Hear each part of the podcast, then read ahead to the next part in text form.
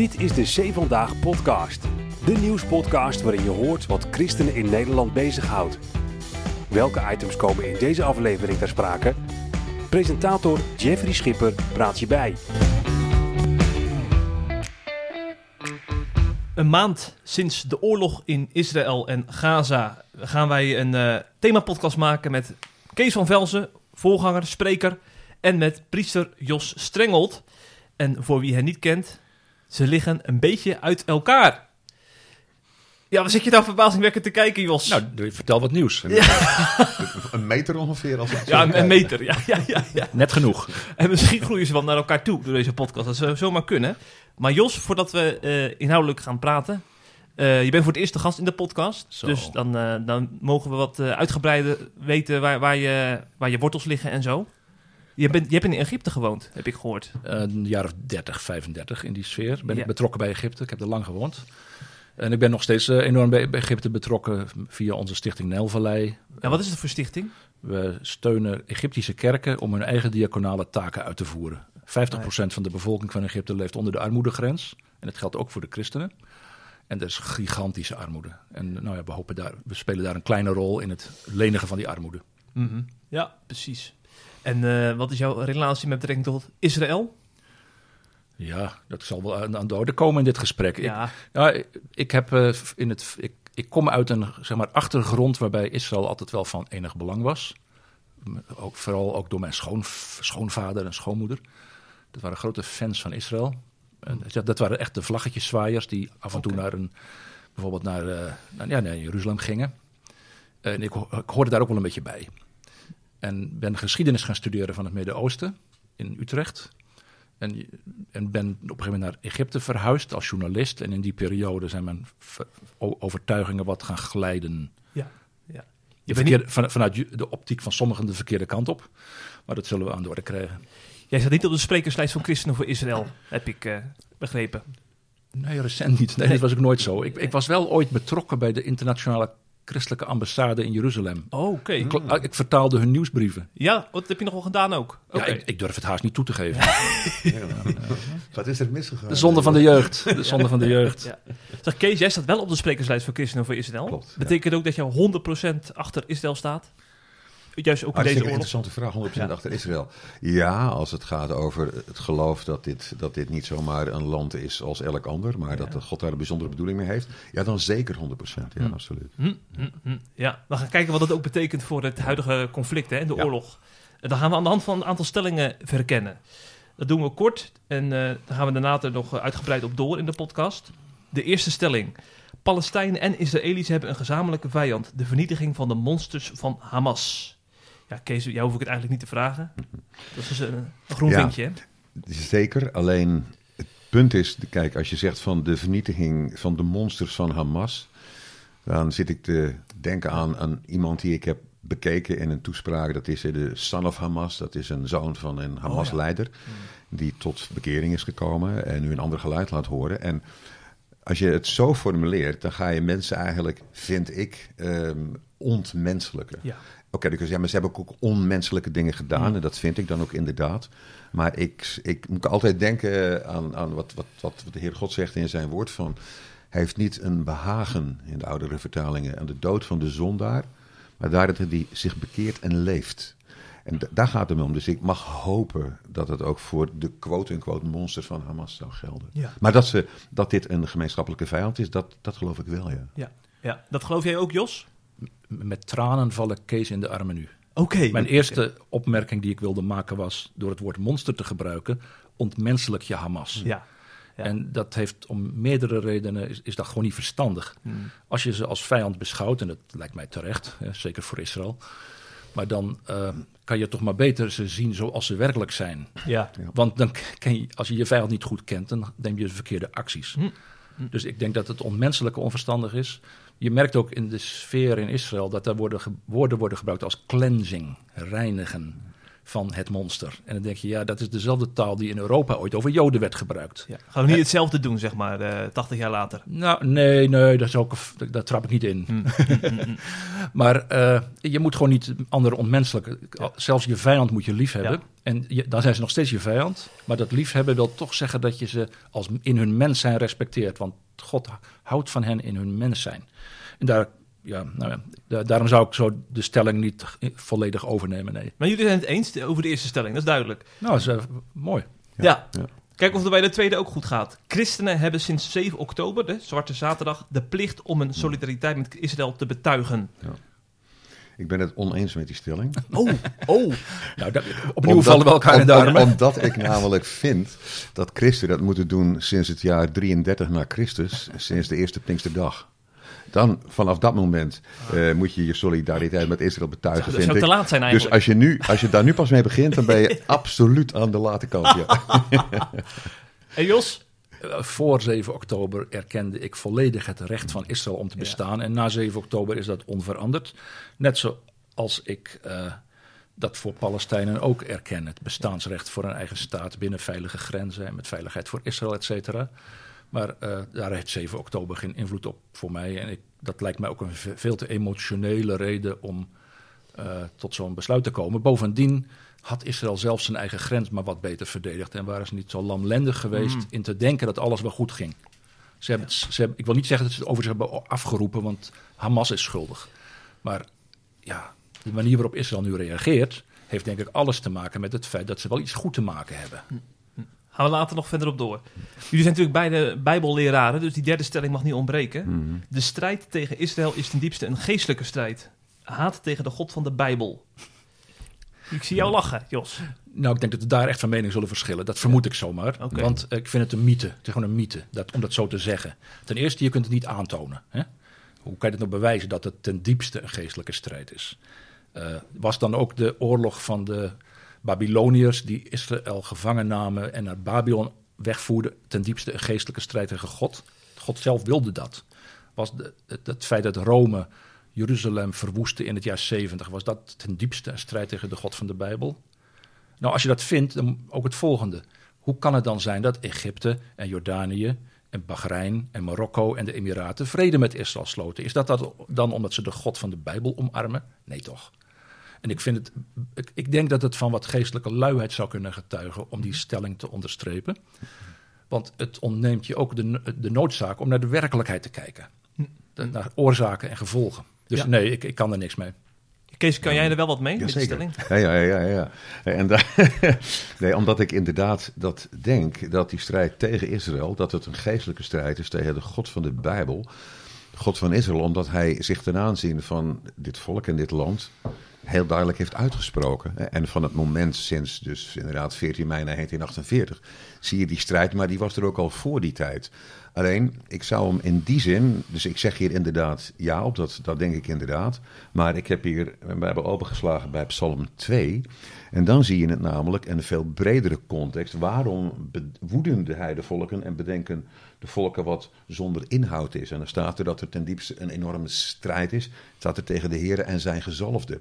Dus het helpt mij enorm om me te realiseren dat het een geestelijke strijd is, want het staat hier ook. En het helpt mij daar met name in, mannen, om niet mensen te gaan haten of daar een hekel aan te hebben, maar te beseffen, ik worstel niet tegen vlees en bloed. Hoewel vlees en bloed verschrikkelijke dingen kunnen doen, hè, maar tegen overheden en machten. En nogmaals, dat, dat vind ik belangrijk. Maar dat het draait om Israël en dat ik dus geloof dat dit voor mij is dat hè, de, de, de, de terugkomst van het, het, het volk van, uh, van Israël, of het Joodse volk, is voor mij het grootste teken van de eindtijd van de afgelopen eeuw. En dat, ik, ik, ik denk dat ik weet wat ik zeg.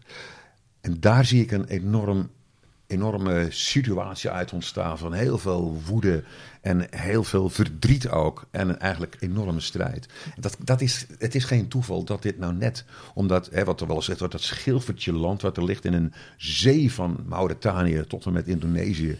Uh, en en daar, daar zit meer achter dan alleen maar, ja, we vinden eigenlijk dat we recht op dat land hebben. Ja. Ja, het is meer dan alleen maar een landje pik. Het gaat dieper, hoor ik eh, Kees zeggen. Ja, maar ik verbaas me wel over dat Kees uh, Psalm 2 citeert. Over de, mm. dat de volken tegen de Heer en zijn gezalfde opstaan. Een paar keer wordt die psalm in het Nieuw Testament geciteerd. Mm.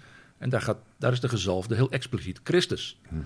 Dat, dat je dit zegt over hoe de wereld op de kerk reageert, op Christus en, en zijn kerk, dat begrijp ik. Maar hoe je de sprong kan maken om dan te zeggen, ja, dat gaat over Israël in de staat Israël in, zoals in 48 gesticht. Hmm. Ja, dat snap ik niet. En daar, daarin denk ik dat onze wegen wel zich echt gaan scheiden. Dat zal wel blijken. Hmm. Dat is de kwestie van hermeneutiek. Hoe ga je om met je Bijbel? Oké, zullen we er later nog verder op terugkomen? Ja, gaan we eerst de stellingen afmaken. Pro-Israël-christenen hebben te weinig oog voor het leed van de Palestijnen. Kees? Dat vind ik absoluut niet. Nee? Nee. En dat heeft ermee te maken dat als ik dus kijk naar mezelf en ik kan dan inderdaad, ik ben ook niet meer van de jongst. Maar als ik naar mezelf allereerst kijk, hoe ik daar tegenaan kijk, dan vind ik het een enorme tragedie wat daar plaatsvindt. Ik word daar absoluut niet blij van. En ik heb niets, geef die rot Palestijnen maar eens van jetje. Nee, ik, wat, wat, ik, wat ik juist vind, omdat het eigenlijk een heel oplosbaar probleem is, het is echt op te lossen, vind ik het uh, een, een tragedie van de Palestijnen. En ik merk ook in mijn achterban en de context waarin ik zelf functioneer, merk ik niets van maak maar een eind aan die rot Palestijnen, dit en dat. Ik zie heel veel verdriet. Ik was pas nog op een bidstond eh, van de NEM. En, en daar, daar werd zowel zeg maar, voor, aan bij, voor beide kanten van de grens uh, gebeden. En zeker voor de mensen die als menselijk schild gebruikt worden. En daarin, dat, dus dat raakt mij. Dus ik zie juist in mijn achterban, als je dat zo wil noemen, onze achterban, zie ik wel degelijk oog daarvoor. Ja. Ja, ja. Herken je dit, Jos? Dat mensen als menselijk schild worden gebruikt. Dat is mhm. denk ik wel typerend voor de pro-Israël-christenen. Die hebben denk ik best wel oog voor het leed van Palestijnen. Maar het is altijd direct met de vinger wijzen naar Palestijnse leiders. En naar uh, Arabische leiders. Of naar de VN. Maar nooit naar Israël zelf.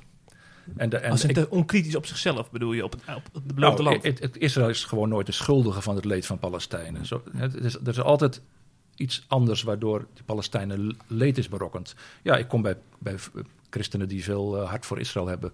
Heel veel mensen tegen die natuurlijk het leed van Palestijnen zien. En vooral op het individuele niveau. Dat, dat, dat geen twijfel. Maar ik denk wel dat het verschil is in het uh, vingerwijzen.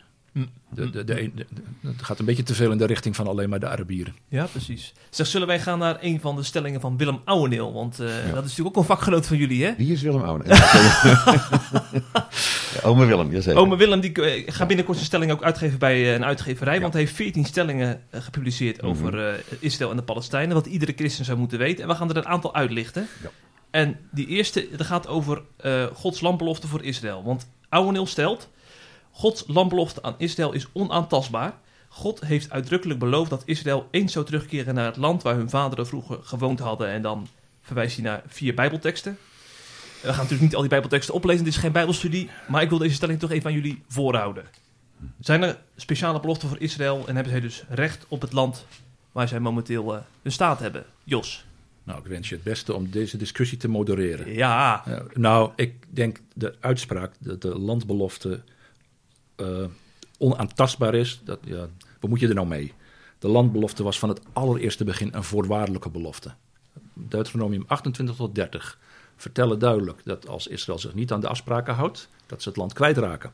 Ze, ze moeten gehoorzaam zijn uh, aan God en zijn richtlijnen volgen, dat, bedoel dat, jij? Dat werd in Deuteronomium ja? gezegd. Mm -hmm. En als die landbelofte dan inderdaad zo onaantastbaar was, hoe, hoe rijm je dat dan in vredesnaam met het feit dat vanaf het jaar 200 voor Christus de Grieken, de Romeinen, daarna de Arabieren, de, uh, wat is het, de, de, de, Turken, daarna de Britten dat land in bezit hadden. En dus een, wat heb je aan een belofte die 1900 jaar niet geldt? Ja, dus jij zegt ze zijn voorwaardelijk en Ouwen zegt onvoorwaardelijk. Is dat het verschil dan, begrijp ik? Nou, ik begrijp hem daarin niet, want okay. hij zal natuurlijk erkennen dat ze wel voorwaardelijk zijn. Ja. Want het staat zo expliciet in Deuteronomium. Mm. Maar dat woord onaantastbaar, dat ja, dat is geen zeg maar bijbels woord. Ja. Uh, Mag ik even vragen hoe Kees er naar kijkt? Want dan ben ik ook even benieuwd hoe waar dan de verschillen liggen. Ja, ja. nee, voor mij sta ik van harte achter deze stelling van, uh, van Willem.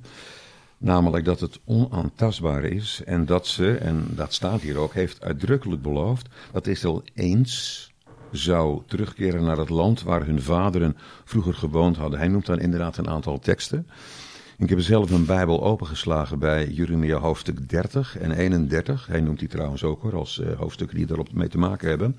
En dan staat er op een bepaald moment dat God um, bepaald met ook zijn brandende toren, de straf op de zonde van inderdaad het verlaten van hem, dat, hij dat, dat er een moment gaat komen dat hij dat gaat afwenden.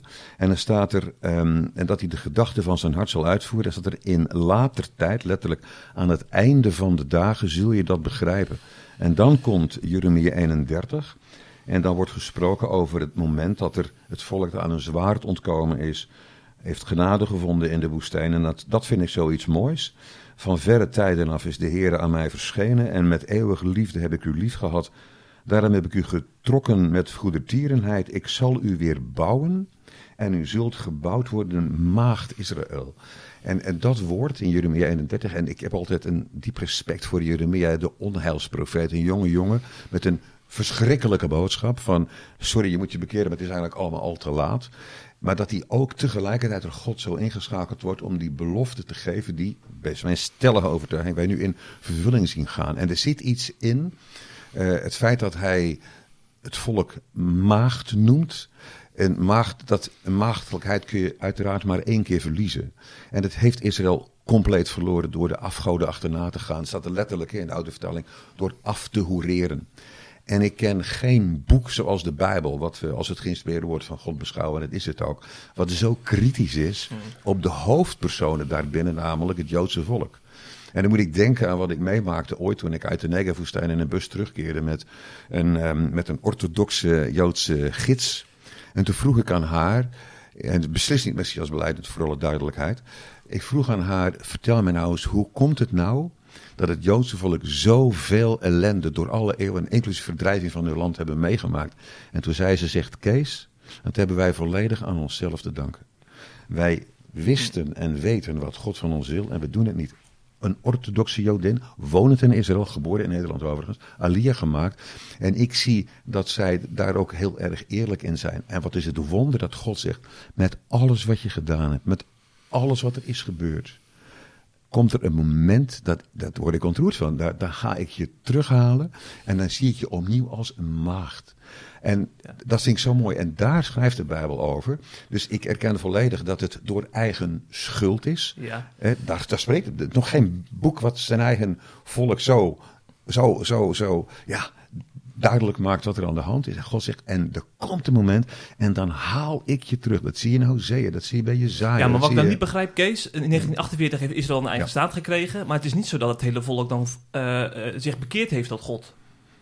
Dus wat, hoe kan is, dat dan? Dat is een hele goeie, omdat er wordt inderdaad gesproken over een moment dat het volk zal buiten Israël zijn en het gaat inzien en tot bekering komt en dan terugkeert. En dat gebeurt ook bij een aantal mensen. Maar er is ook, er zijn ook teksten die laten zien dat het volk eerst teruggaat. Hè, en dan het land gaat bewonen en dergelijke. En dat er dan, zie Zacharia onder andere, een moment gaat komen. dat tot ik zeg wel eens op, zich opnieuw gaat openbaren aan zijn geliefde volk. Hè. En wat Zacharia zegt, ze zullen mij aanschouwen die zij doorstoken en specifiek op die plek, zeg jij? In ja, ja, ja, ja, ja, ja, want het gebeurt. De inwoners van Jeruzalem worden aangesproken. Dan kun je natuurlijk vergeestelijken en zeggen, ja, maar dat was met Pinksteren en et cetera, et cetera. Maar ik zie daar zoiets moois. En dus hè, wat, wat Jos misschien vertegenwoordigt van die zogenaamde vervangingstheologie. Ik vind het zo bijzonder dat, dat het een en-en is. Het is en de gemeente van de Heer Jezus en het Joodse volk. En waarvan Efeze getuigt, die scheidsmuren is weggebroken. En waarvan ik nu zie, wauw, wij gaan dus meemaken, dat mag ik althans van harte hopen, dat ze zullen gaan zien wie de Messias is. En daarom brengt hij eerst zijn volk thuis. Het is tijd om Jos weer eens aan het woord te horen. Ja, daar kan, vertel het eens. Daar kan je niet op reageren zoveel.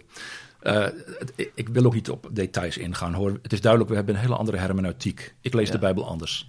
Uh, op, wil wel één ding zeggen, of een paar dingen zeggen. Jeremia, is, die belofte is denk ik vervuld in uh, de tijd dat Israël terugkeerde uit Babylon en uit andere landen. Dus waarom dan veronderstellen dat het dan nog een keer moet gebeuren?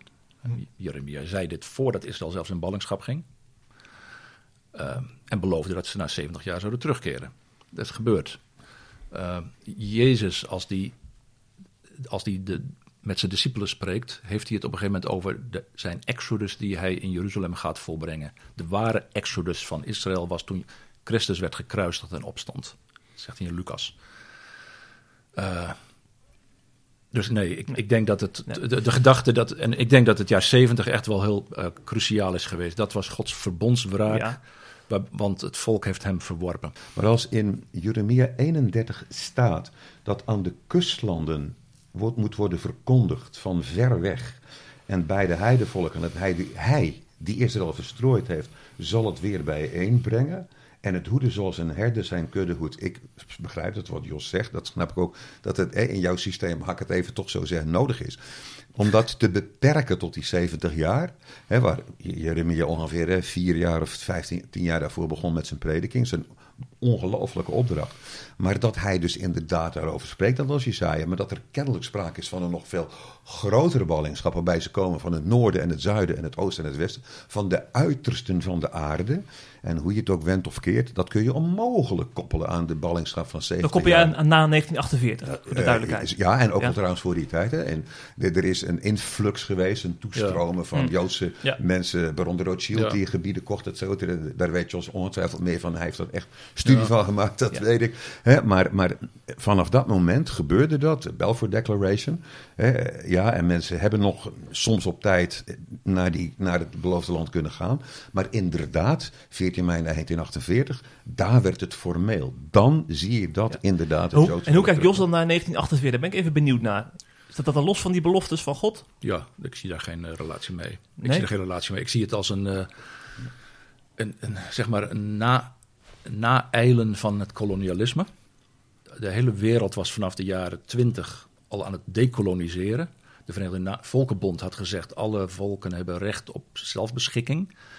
Maar op de laatste nipper hebben de Zionisten gezorgd dat zij toch nog een stuk land kregen. En dat was niet in de lijn der verwachting. Eh, daar hebben ze hard voor gewerkt ook. En ik denk dat het een rol speelde dat Europa eh, met een groot schuldgevoel zat. Ja. Maar de eigen bevolking is het niet gevraagd wat ze wilden, want twee derde van het land was Palestijn. Een derde was Jood. Zij hebben de gelegenheid niet gekregen die andere volken wel gekregen hebben om zelf te bepalen hoe ze geregeerd willen worden. En ik vind het zo mooi, hè? daar heeft uh, Willem Glashouwer trouwens ook in zijn 14 stellingen, vind ik dat hij dat heel duidelijk uitlegt hoe dat dan Willem Ouweneel. Ja. Willem, ja. wat zei ik? Glashouwer. Ja, dat is okay. ah, zo Willem, Willem, Willem, nou ja, Willem Ouweneel, uh, die heeft er inderdaad in zijn 14 stellingen. En Willem Glashouwer, die heeft in zijn boek over verbonden, ja. dus het Hebreeuws woord heeft hij aangetoond dat Gods verbonden eeuwig zijn. En uh, mijn Zeeuwse, dan zeg ik eeuwig, uh, mijn Zeeuwse dialect van achtergrond, maar eeuwig moet ik dan zeggen, dat je sinds een Nederlands, wat zijn eeuwige verbonden. En Gods verbonden zijn eeuwig en met name rond die landbelofte en zijn volk zijn, dat zijn verbonden waarvan de Almachtige heeft gezegd, dat is een eeuwig En dat neem ik heel serieus. En dan gaat het niet meer over hem natuurlijk exegese. Nou. Dan zegt de Bijbel dit en dan neem ik dat uiterst serieus. Maar wat is dat dan geen eeuwig verbond dan, Jos? Hoe, hoe zit dat dan? Is het dan nou, tijdelijk geweest? Laat ik, een andere, laat ik nog een tegenvraag eerst stellen. Want als dat dan mhm. een eeuwig verbond is, dat is dat het altijd recht op het land heeft. Mhm. Dan houdt het dus nooit op. Dan komt er dus nooit, ooit in de eeuwigheid een verandering. Of, of geloof jij dat na verloop van tijd dat dan toch weer wordt opgeheven en dan komen we in een, in, een, in een ander punt van de rond eschatologie. En dan kun je het hebben over een duizendjarig rijk, waar ik inderdaad en letterlijk in geloof. Maar, ook, maar als dat duizendjarig rijk dan eindigt in jouw systeem, in jouw systeemdenken, dan houdt het eeuwige verbond van het land dus ook op. Dan komt daar het nieuwe Jeruzalem, wat niet toevallig Jeruzalem heet. Maar er komt nieuwe Jeruzalem en dan zie je dat God inderdaad, dan komt hij alles en in alles zal hij zijn door het geloof in de Heer Jezus Christus. Maar dan zie je inderdaad dat er die momenten zijn waarop de wet van Jeruzalem uit zal gaan. Dat de volken zullen optrekken om het Loofhuttenfeest te vieren. Ik kan daar niet op wachten. Ik vind dat zo fantastisch dat dat gaat gebeuren. Dat dit volk opnieuw een kans krijgt na alle ellende. Ik heb geen enkele logische verklaring voor het feit dat waar ik ook spreek in Nederland of in België of waar dan ook. En ik check alleen al, ik noem wat, Dingsperlo en de Joden of Enschede en de Joden. Lelystad en de Joden is een ander verhaal, want die stad is natuurlijk van later datum. Maar dan kom ik overal tegen de onthutsende geschiedenis van hoe Joden vervolgd zijn. Systematisch. Er is geen enkel ander volk wat dat heeft. Je ziet het als een godswonder dat ze nog bestaan. En dat... Zeker. En dat het Satan, de boze, Hè? Zie je Bijbelboek Job, hè? die op een bepaald moment de kans krijgt om dingen te doen, die duivel. Hè? Dat, dat, dat, dat, dat betekent dat dit volk er nog is en dat ze hun identiteit hebben gehouden. Daarvan spreken soms mensen, ja, je moet toch wel bijna geloven dat God bestaat als je ziet dat het Joodse volk er nog is. Ja, maar heeft het geen bijzondere functie dan, het volk, in jouw ogen dan, uh, Jos, het Joodse volk? Ja, nou, Heeft dat afgedaan? Het Joodse volk heeft niet afgedaan en de beloften van God hmm. zijn onberouwelijk. Maar God die vervult zijn beloften met... In het Oude Testament zie je al, hè, heidenen die zich bij het Joodse volk bij of bij de Israëlieten voegden, die werden volledig deel van dat volk. Dat was het volk van God. Dat is helemaal niet anders in Zoals Rut bijvoorbeeld. Zoals Rut, en er zijn er zoveel. Dat, in het Nieuwe Testament is het helemaal niet anders. De, uh, de heidenen die tot geloof in Christus komen, mhm. worden onderdeel van het Joodse volk. Van het, ja, we zijn geënt. We zijn geënt. Maar dat is niet het Joodse volk van de, van de genen, van de DNA, maar van de Joden die in Christus geloven. Ja. En samen zijn wij één volk van God. Ja, en ik denk dat de beloften van het Oude Testament, voor zover die letterlijk moeten doorgaan, die vervuld zijn in de gemeenschap van gelovige volgelingen van Christus. Ik denk dat de vertekening voor ons zit in het feit dat de, het, aantal zeg maar, Joden in, de, in die gemeenschap heel klein is geworden en het aantal heidenen overweldigend groot. En helaas zijn we dus gaan spreken over kerk en Joden. En ik denk dat daar, ja, dat is historisch onvermijdelijk geweest, denk ik. Maar wij zijn één volk met die Messias beleidende Joden. Dat is het volk van God. Dat is, dat is Gods Israël. Ja. Hm. Hm. En dat is geen vervanging, nee, ik hoorde Kees het woord gebruiken. Nee, het is een voortzetting. Wij zijn onder de, net zoals Rut bij Israël ging horen, zijn wij bij Israël gaan horen. Maar God maakt in, de, in het hele Oude Testament en het Nieuwe Testament duidelijk dat wie echt het volk van God is, lees de Romeinenbrief bijvoorbeeld, dat zijn zij die in Christus geloven. Ja. Maar wat betekent dit dan voor uh, het eind van de wereldgeschiedenis? Er zijn ook beloften, heb ik wel eens uh, mensen als Kees horen zeggen, dat, dat uh, het Joodse volk tot bekering gaat komen. En dan, In de zegen heb je die profetie van die door het doodsbeenderen. En op een gegeven moment gaat er toch een leven in worden geblazen. En dat wordt dan toegepast op het einde der tijden, dat, dat God zijn geest gaat uitstorten over het volk. En dan wordt die belofte vervuld. Ja, nou, zo heb ik het geleerd. Ja, ik heb, ik, ik heb het ook zo geleerd vroeger. Maar ik denk dat het niet, niet, geen, geen correcte manier is om met zo'n gedeelte om te gaan. Ja, maar dat is in, in 70 na Christus dus niet gebeurd, hè? Toen, nee. uh, de, de, in de vroege kerkgeschiedenis. De geest is nooit helemaal volledig in het Joodse volk uitgestort. Ja, maar het, je moet uitkijken in de Bijbel met de woorden als alle. En ja. uh, Kees die noemde het woord uh, uit de hele wereld. Dus dat moet betekenen tot, van Groenland tot Rusland tot Zuid-Afrika. Uiterste van de aarde. Uiterste van de aarde, ja. Nou, er wordt bijvoorbeeld... niet in, Babylon. Uh, ja, dat, nou, dat, dat vind ik een manier van bijbellezen die klopt volgens mij gewoon niet. Ja. In ieder geval, het is niet consequent. Want bijvoorbeeld, uh, uh, toen Jezus geboren werd was dat in Bethlehem. En hij moest daarheen, want keizer Augustus had een bevel doen uitgaan dat de hele wereld zich moest inschrijven. Hele wereld. Toen de tijd de Romeinse wereld. Nou, dat is het. Het gaat over de leefwereld van de mensen. En dan, om dan op een modernistische manier te suggereren dat je dan naar de hele aardbol moet kijken. Nee, dat gaat er bij mij gewoon niet in. Zullen we naar een nieuwe stelling gaan? Nee, we zijn nog niet klaar. We zijn nog niet klaar. Nee, want wat, wat, wat, wat mij opvalt, jongens, is dat jij gaat wegduiken op het moment dat Jeffrey jou de vraag stelt, ja, ja, er zijn wel beloften, maar wat dat dan is, wordt niet duidelijk. Dan scherm je, ik, ik ga het toch even zo zeggen, dan scherm je me heel met de woorden, ja, maar hermeneutiek en je moet dit en dat. Jij noemde de Romeinenbrief. Romeinen 11 is glashelder. Ja, vind ik ook. Hoe, hoe het gaat, eh, daar zijn we dan met elkaar eens, maar hoe het gaat over het feit dat wij, dat er eh, weggebroken is, dat wij erin ingeënt zijn, dat wij het volk van God het Joodse volk jaloers moeten maken. Nou, daar zijn we heel goed in geslaagd in de afgelopen uh, hmm. 2000 eh, jaar. Kom op, we moesten ons diep schamen daarvoor. En dan staat er dat een moment komt dat die herkenning er zal zijn hè, en dat we ons niet moeten verheffen. Hè, zo van niet van, ja, die Joden die hebben de boot gemist. Wat ik toch een beetje in je hoor als ik dat zo hoor. En niet alleen bij jou, je bent er nog gematigd, maar er zijn een aantal heren met een achternaam Paas die daar nog heel anders en felder over spreken. Maar dan kom ik aan Romeinen 11 en je weet dat is natuurlijk de, gemeente die geografisch het vers van Jeruzalem vandaan was. Precies die worden het stevigst aangepakt als het gaat hoe ze met de Joden omgaan. Omdat er natuurlijk heel veel antisemitisme toen al was. Zeker met, later met Nero enzovoort. En dat hij zegt, wat is het voorrecht? Hun zijn de woorden van God toevertrouwd. Ja. En dan pakt hij dat Romeinen hoofdstuk 11 en dan zegt hij... Jongens, er staat nog wat te gebeuren. En verhef je nooit tegen Israël. Zij dragen jullie. En dat, dat, dat, ik, dat, dat Luther notabene, die mede tot geloof kwam, hè, als ik het zo kan zeggen, door die, Romeinen, door die Romeinenbrief, dat hij dat niet gezien heeft, dat begrijp ik niet. Maar wij zijn in de omstandigheden dat we kunnen zien dat God met zijn plan doorgaat. En dat vind ik het zo mooi, oprecht, dat ik mag weten, jongens, het beste gaat nog gebeuren met het Joodse volk. Dat gaat gebeuren, hij is trouw aan zijn eeuwige verbonden. Ja, nou ja, ik lees Romeinen 11 beduidend anders dan jij, dat is helder. De hele Romeinenbrief trouwens. Mhm. Die volgens mij voornamelijk gaat over het feit dat er geen onderscheid is tussen Joden en heidenen. Alle moeten tot geloof in Christus komen. Dat, daar gaan al die eerste hoofdstukken van Paulus over. En dan kan hij met Romeinen 9, vers 11 zich niet gaan tegenspreken. Daar zegt hij hetzelfde. Je moet het, ik, ik, ik lees het anders. Ja. En, en, ik ben niet de enige. Ik ben niet de enige. maar ik ben ook niet de enige. Nee, u zijn wij niet de enige. Nee, met David Paulsen is inmiddels overleden, bijbelleraar. Die zei, en ik hoorde hem een keertje daarover spreken, die zei eigenlijk het, het, het, het grote van heel Romeinen is, waar Paulus naartoe werkt, is Romeinen hoofdstuk 11, om te laten zien dat eigenlijk heeft hij, het waren teasers, ja, door Gods genade, het, en, en wat, wat waren teasers? Hij zegt er zulke prachtige dingen, Gods woord. En maar dan, dan komt zijn major punt, zijn grootste punt, en dat is, jongens, dit is de relatie die we hebben met de Joden en met het Joodse volk. Maar goed, uh, inderdaad. Uh, De, maar de, de, verschillen liggen wat duidelijker op tafel. Maar wel met respect, zo lijkt mij. En dat vind ik een goede zaak. Ja, ja.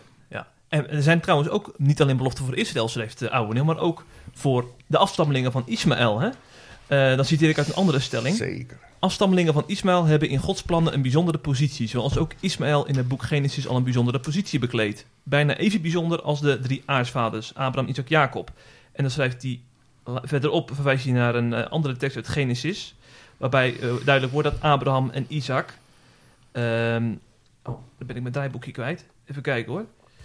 Uh, die zijn samen begraven door hun vader Abraham. Een gebeurtenis die een voorbode is van de vrede tussen Israël en de Arabieren in het Messiaanse Rijk. Samen dood. Nee, nee, dat zie ik het niet als voorbode. nee. nee. Maar zie je wel ook die belofte voor uh, Ismaël en zijn, en zijn afstammelingen? Ik weet niet hoe Oudneel erop komt. Hij is zelf ook heel voorzichtig. Hij zegt, hmm. ik veronderstel dat de meeste van die Palestijnen Ismaël tot hun voorvader mogen rekenen. En het is mijns inziens niet overdreven om de Arabische Bedouinenstammen als afstammelingen van Ismaël te zien. Nou, als Ouweneel zulke dingen zo voorzichtig zegt, hmm. dan moet je wel heel, dan moet je wel heel erg twijfelen. Oké, okay. het is niet zeker. Ik vind het een mythe. Uh, er is geen enkele historische aanleiding om een lijn te zien tussen Ismaël en de huidige Arabieren of Palestijnen. Ja. Uh, ik denk dat als je in ons Europese DNA gaat graven, dat wij allemaal wel wat Joods DNA hebben. Hè? En zo hebben Palestijnen ongetwijfeld ook wel wat hmm. van Ismaël, maar het is, ik vind het echt onbeduidend. Ja. En trouwens, het idee dat Palestijnen of Arabieren in het algemeen van Ismaël afstammen, komt uit de islam. Daar okay. is het ontstaan, want ja, Mohammed die preekte. Kijk, de Joden die hebben Isaac als voorvader en daarom Abraham. Maar wij hebben ook Abraham als voorvader, maar dan via Ismaël. Dat is echt een islamitische gedachte. Dus ik, vind het, ja, ik heb er niks mee. En het is volgens mij uh, ja, een beetje gefreubel. Oké, ja. Nou, ik, vind het, ik vind het iets wat, wat mij wel heel duidelijk raakt. En wat mij ook zeker helpt in de gesprekken die ik godzijdank mag hebben met ook mensen met een islamitische achtergrond. Omdat voor hen is dat inderdaad gewoon een, een ding wat uh, vast en zeker is. Hè? Dat, dat uh, zie ik. En dan wordt natuurlijk gesproken over onze vader Abraham in Romeinen. Maar uh, dan, dan, begrijp ik dat heeft met geloof en gehoorzaamheid et cetera te maken. Dat begrijp ik. Ik vind het een fascinerende gedachte. Want als jij de stelling had gelanceerd, en dat heb je niet gedaan, Jeff, dat. dat, dat um, christenen, hè, die ja. zeg maar heel pro-Israël zijn, misschien wel te weinig oog hebben voor de rol van eh, van, in elk geval in de ogen van, van Arabische mensen van Ismaël. Daar was ik je zeker bij gevallen. Heeft okay. dat net gekild. Hè? Maar ik bedoel, maar dat vind ik dus wel degelijk. En dat vind ik zo'n mooie gedachte. Dat je ook ziet dat in de eindtijd wordt wel degelijk over. Dat heet dan een heerbaan, een weg die loopt vanuit, jawel, Egypte hè, naar het noorden enzovoort. Ja. En voor mij helpt het om juist hoop te hebben in deze tijd. Dat als God zijn belofte aan Israël waarmaakt, hij dat ook zal doen aan Ismaël. En dat ik dus denk dat die lijnen, maar zware DNA is wat dat betreft dan heel interessant. Hè? Men zegt ook als je bijvoorbeeld Cohen of Koonstam heet, dat je dan werkelijk een gen hebt dat afwijkt van alle anderen. Ik heb dat ooit eens zitten doorvragen en ik ben geen medicus. Mensen zeggen, dat klopt wel. Oké, okay, uh, dat weet je niet precies. Maar ik vind het tot troost en ik vind het dat het ons dus ook als, uh, nou, als je met rekent tot christenen voor Israël, zoals christen voor Israël, maar ik ben niet een christen tegen Palestijnen, tegen ja, Arabieren. Ja. Integendeel, ik gun hen zo de zegen van de Almachtige. En die heeft voor mij alles te maken met het zegenen van zijn nakomelingen, namelijk het Joodse volk. Ik denk, ik, ja. ik, volgens mij hangt het samen met het zegenen en het geloven in Christus, -huh. los van het Joodse volk. En de, ik, ik, denk, ik, snap gewoon niet hoe je dat kan zeggen. Ik las het onlangs ook, je dat ergens anders schreef. -huh. En daar reageerde ik ook op. hoe, hoe kan je nou beweren dat de mate waarin God ons zegent af, afhangt van hoe we tegenover Israël staan? De hele, het hele Nieuwe Testament gaat over Christus. Hoe we tegenover Hem staan.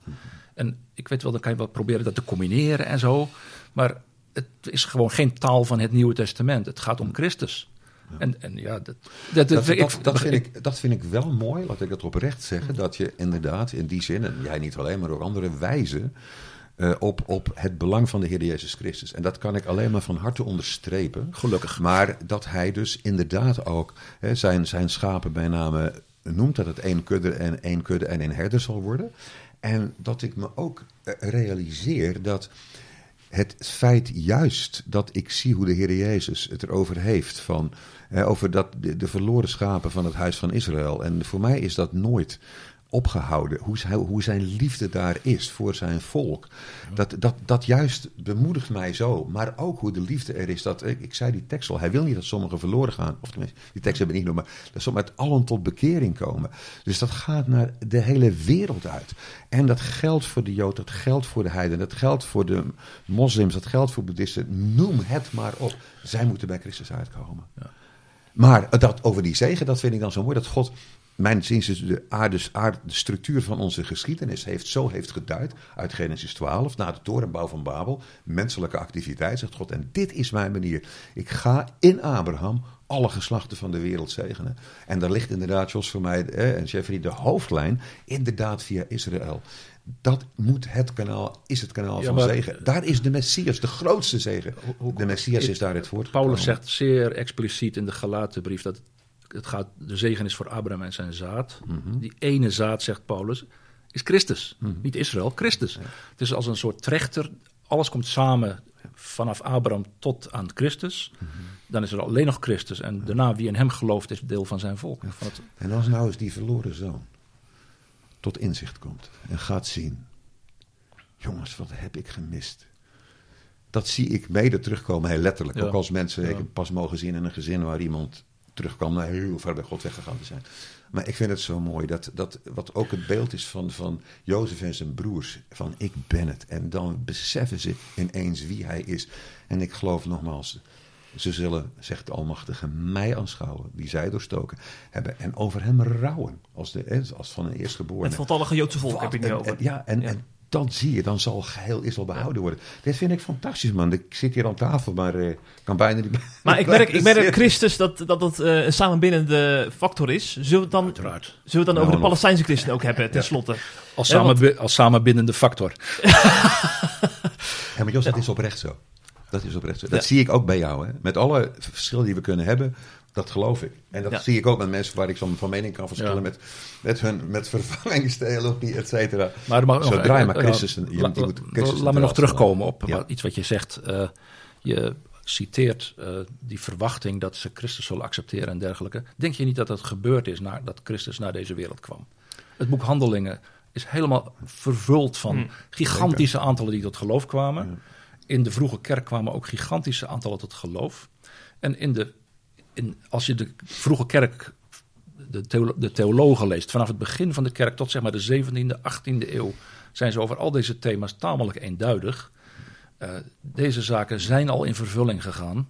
En uh, ja, hebben dus wat al die theologen betreft geen nieuwe vervulling te verwachten. De Palestijnse christenen hebben eh, beklag gedaan ten, opzichte van westerse kerkleiders en theologen.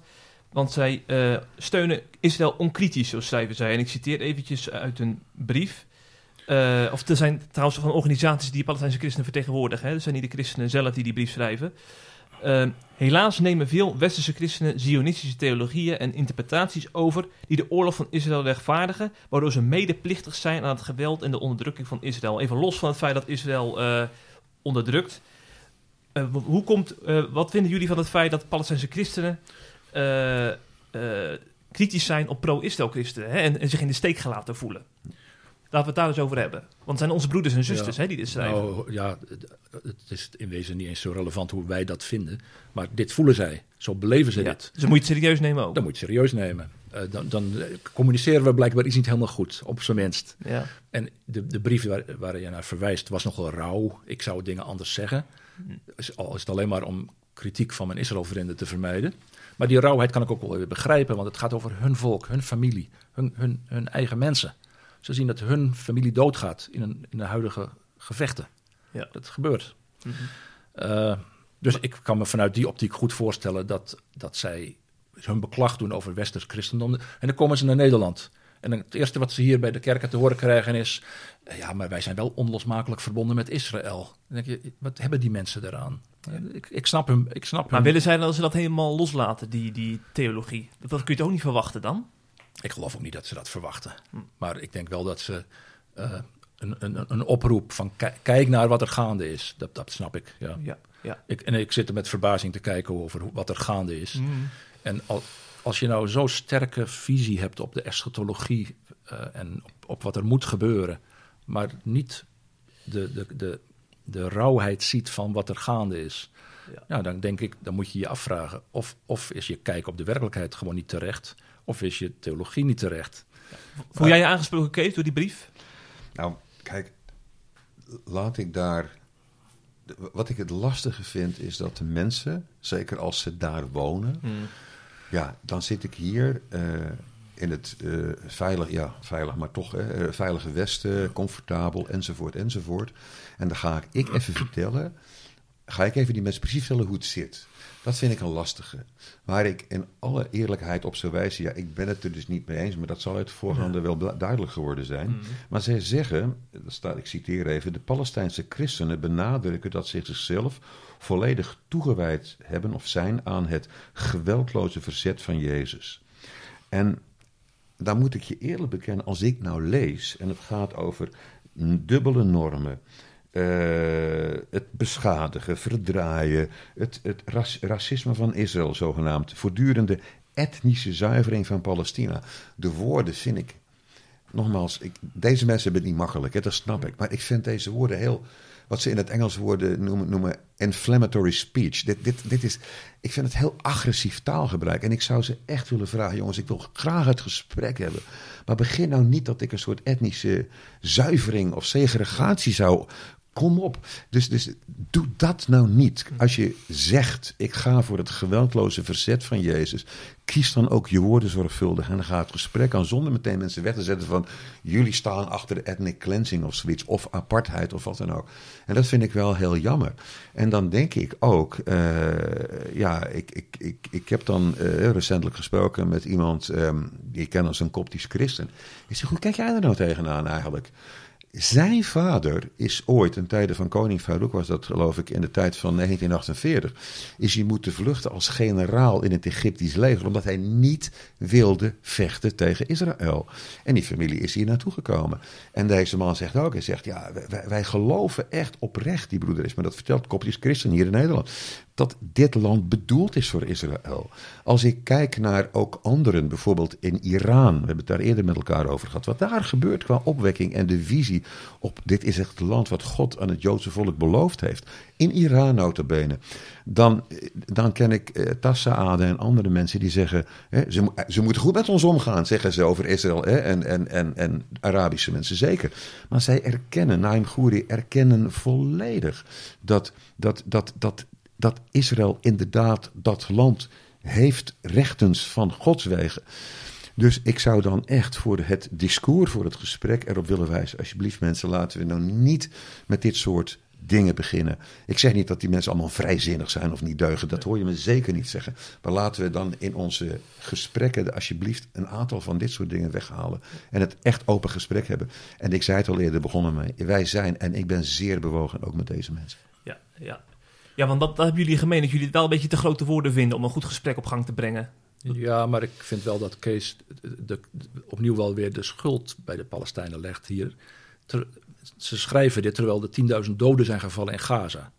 En dan, dan, mag je mensen toch ook wel niet, niet verwijten dat ze wat pompeus taalgebruik hanteren in hun opstand tegen wat er gaande is. En dus ik heb wat meer sympathie voor, de, voor het taalgebruik. Ik zou het niet gebruiken, maar dat is makkelijk, want ik zit hier op mijn luie bank in Nederland. En wij, praten maar een beetje en voor ons maakt het niet uit wat we hierover vinden in feite. Ja. En ik heb nog een laatste vraag, want ik zie christenen het opnemen voor de Palestijnen en ik zie christenen het opnemen voor Israël. Ik denk van, hoe kunnen we die twee groepen bij elkaar brengen hè, om een verbindende afsluiting van de podcast uh, te bewerkstelligen? Nou, ik, ja, dat vind ik geen makkelijk hoor. Nee. Uh, overigens, ik, ik, wil me niet scharen in het kamp van degene die het opnemen voor Palestijnen. Ik vind Israël heeft bestaansrecht en de Palestijnen hebben mhm. dat. Mhm. In de huidige situatie vind ik het best een goed idee om wat meer voor de rechten van Palestijnen te spreken, want dat is de zwakke partij. Oké. Maar, maar goed, dat, ik denk, je merkt in zo'n gesprek als dit, het verschil zit natuurlijk in hoe we naar de werkelijkheid kijken. Maar het verschil is volgens mij veel groter in hoe we onze Bijbel uitleggen. Ja. En die heeft nogal invloed op hoe we naar de werkelijkheid kijken. Zeker. En ik denk dat dat is een kerkelijke, een kerkelijke kwestie eigenlijk. Hoe leer je als kerk om je Bijbel te gebruiken? Uh, en daar zit, daar zit denk ik toch wel echt de, het, zeg maar het verschilpunt. Ja. Ja, maar dan ben ik niet optimistisch, want dat blijft dan wel, denk ik. Nou, daar ben ik ook helemaal niet optimistisch over. Ik ben wel optimistischer als we kijken naar het concrete leed wat Palestijnen wordt aangedaan. Ja. Of wat ze, wat ze hebben. Laten we even het woord aangedaan en zelfs maar weglaten, maar het leed wat zij hebben. Uh, de concrete problemen die ze hebben, ja, daar kan je elkaar in vinden. Uh, als een Palestijnse christen bij me langskomt en zegt: Ik heb honger. Wat, wat zegt Jezus dan dat ik doe? Geef hem te eten want dan geef je mij te eten. Nou, als die gedachte wat indaalt bij vrienden van Israël en bij vrienden van Palestijnen, dat geldt, dat geldt ook voor de andere partij. Als ik een Israëli tegenkom die honger heeft, dan zal ik hem helpen. Hm. Uh, toen Jezus uh, een gelijkenis vertelde over de barmhartige Samaritaan, dat, dat, was aardig. Dat was een mooie gelijkenis. Hij vertelde dat daar een, een, een, man naakt op de weg lag, overvallen. Hij was naakt, dus je kon niet zien of het een Jood of een Samaritaan was de, de, de rechtzinnige Joodse leiders die langslopen, die willen die man niet helpen. Want stel je voor dat je een, zo'n vieze buitenlander helpt. Hè? Dat doe je niet. Uh, nou, dat, dat vind ik wel echt een mooie gelijkenis, want het laat zien, elk mens is het waard om geholpen te worden. Elk mens is schepsel van God. En nou, als een Israëli, en zeker een Israëlische Messias beleidende Jood, mij nodig heeft, dan ben ik gehouden hem te helpen. Als een christelijke Palestijn mij nodig heeft, dan ben ik, als, als die Kees nodig heeft, is Kees gehouden om hem te helpen. Uh, en ik, misschien dat we daar elkaar wel wat makkelijker kunnen vinden dan. Op, op, dat heel, op, het, zeg maar op het grondvlak van de concrete ellende die mensen meemaken. Uh, en dat is belangrijker in mijn optiek dan al die zeg maar, superstructuren van theologie die wij creëren. Als het erop aankomt, gaat het erom hoe ga ik om met die andere mens. Mm -hmm. En want dat is hoe ik met Christus omga. Ja. ja. En dan kan ik tegen me, dan zeg ik alleen maar tegen mezelf amen. En Kees zegt ook amen, denk ik. Als het, als het gaat over um, die, die minste broeders, hè, waar je ook aan refereerde, ja. dan is het even goed. Ofwel gaat het met name dan, maar goed, daar kun je ook over discussiëren, over het Joodse volk. Ik wist dat je het ging zeggen. Ik wist dat je het ging zeggen. Die, nee, maar die Hoe kom je daar nou bij, maar Die, die, die, die, die, ik, nee, maar die zie ik, dat meen ik wel even serieus. Die, die ik zie, hoezeer die als minste broeders door ons christenen behandeld zijn. Echt? En ik, vind, ik heb, ik heb zo'n pil liggen hoe Joden systematisch zijn gediscrimineerd. Als hadden de hostie misbruikt, als ze hadden bloed van... Ja, weet je, bedoel, en dan heb ik het wel degelijk over mijn ja. mensenbroeders. Dus nee, dat, dat, dat laat ik heel graag staan. En wat hebben wij als kerken, we moesten ze jaloers maken, wat hebben we daarmee gedaan? Als het gaat over het grondvlak. Als je de definitie hebt van de gelijkenis van de barmhartige gelijkenis, van de barmhartige Samaritaan, maar de, ook de realiteit daarvan, hè, dan is het dus de naaste, degene wiens nood jij ziet, en die jij kunt helpen. En, en daar vinden wij elkaar.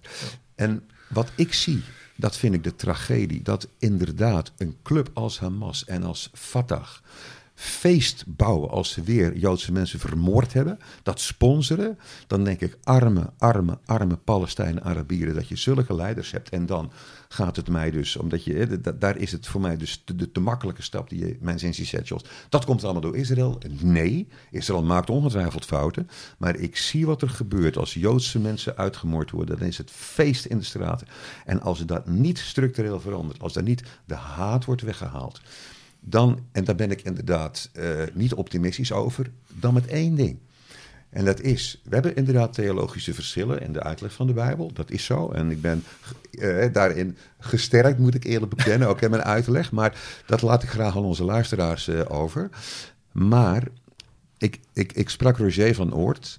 Die was dus in Israël. Israël. En Christopher Israël, voormalig directeur. En uh, die, die, ik zei, joh, wat ben je aan het doen daar? Hij zegt, nou, ik ga naar een bruiloft toe. Ik ben daar naartoe van Aviel Schneider, zijn zoon trouwt. Ik zeg op dit moment, hè, want hij is nu wel terug ondertussen, na de zwarte Shabbat, um, zit jij een bruiloft daar te doen? En toen zei hij dit, hij zegt Kees, een bruiloft in Israël, in het Joodse volk, gaat altijd door. Niets kan het tegenhouden, tot en met in de kampen in de tijd, weet je wel. En dat, vind ik, dat vond ik zo bijzonder. Dat, ik, dat vond ik eigenlijk best wel bemoedigend. Uh, dat ik denk van die wederkomst van de Heer, en volgens mij de politiek gaat intreden, maar hij wel, dat gaat uiteindelijk de vrede brengen. En daar ben ik heel diep van overtuigd. En daar zie ik dan ook werkelijk naar uit. Want de verlossing komt eraan. Ja, ja. Zie je ook uit naar de wederkomst, Jos? Ja, want we, de wereld heeft dit nodig. Ja. En dan vraagt onze Heer aan ons: wat heb je voor mijn minste broeder gedaan? Hmm. En daar wil ik toch op terugkomen, want het laat toch echt wel een onderscheid zien hier. Het minste broeder, Jezus zegt dat in het Matthäus-evangelie. Eerder in het Matthäus-evangelie zegt hij tegen zijn volgelingen: Wie zijn mijn vader en moeder en broeders? Uh, en dan zegt hij: Wie de wil van God doen. In Matthäus 25, waar dit staat, komt Paul naar Matthäus 24, waar Jezus zegt dat er verdrukkingen komen en mensen gaan naar de gevangenis en hebben honger en zullen ziek zijn. En dan zegt hij in Matthäus 25, maar wie die vervolgde christenen helpt, die heeft een ruim welkom in de hemel. Ik ga dat niet tot Israël versmallen. Nee, nee maar dat, die, die verschillen mogen gewoon blijven nee, maar staan. ik wil ze wel er graag bij hebben. Ja. en, dat, en dat is inderdaad belangrijk, dat je dat doet vanuit je motivatie. Wat Petrus ooit de vraag kreeg, van hou je van hem tot drie keer toe? En zegt, mm. jullie weet alle dingen. U weet dat ik van u houd. En wat zegt de Heer Jezus? Wijd mijn lammeren, hoed mijn schapen. En dat moeten we heel serieus nemen. Ja. Ik, wil, ik wil nog een compliment maken aan Kees. Oh. My goodness, wat ben jij een dominee. Wat kun jij praten, zeg. Niet normaal. Ja, maar dat is ook een vak hoor, dominee. Maar wat, ja, ja, ja, wat, wat, ben jij een priester en probeer je ook de dingen bij God te brengen. dat is ook zo. Ja. Hey, misschien mooi om uh, na, na, de podcast nog een keer een armpje te drukken. Hè? We kunnen de luisteraars niet meemaken. Ja, maar hij is, hij is veel te sterk. Ja. We schudden de hand wel. Ja, Oké, ook goed. Bedankt voor jullie bijdrage, Kees en Jos. Het is wel een langere podcast geworden, geworden, dan normaal, maar ik, ik hou hem lekker lang, want uh, je hebt nuance nodig en gesprek om het hierover te hebben. Dat kan niet in 10 minuten, een kwartiertje. Hè? Dat gaan hem niet worden. Dus bedankt voor jullie bijdrage. En uh, luisteraars, tot de volgende keer. Hopelijk heb je genoten van deze C Vandaag podcast. Volgende week is er weer een nieuwe aflevering. En blijf via cvandaag.nl op de hoogte van het laatste nieuws uit Christelijk Nederland.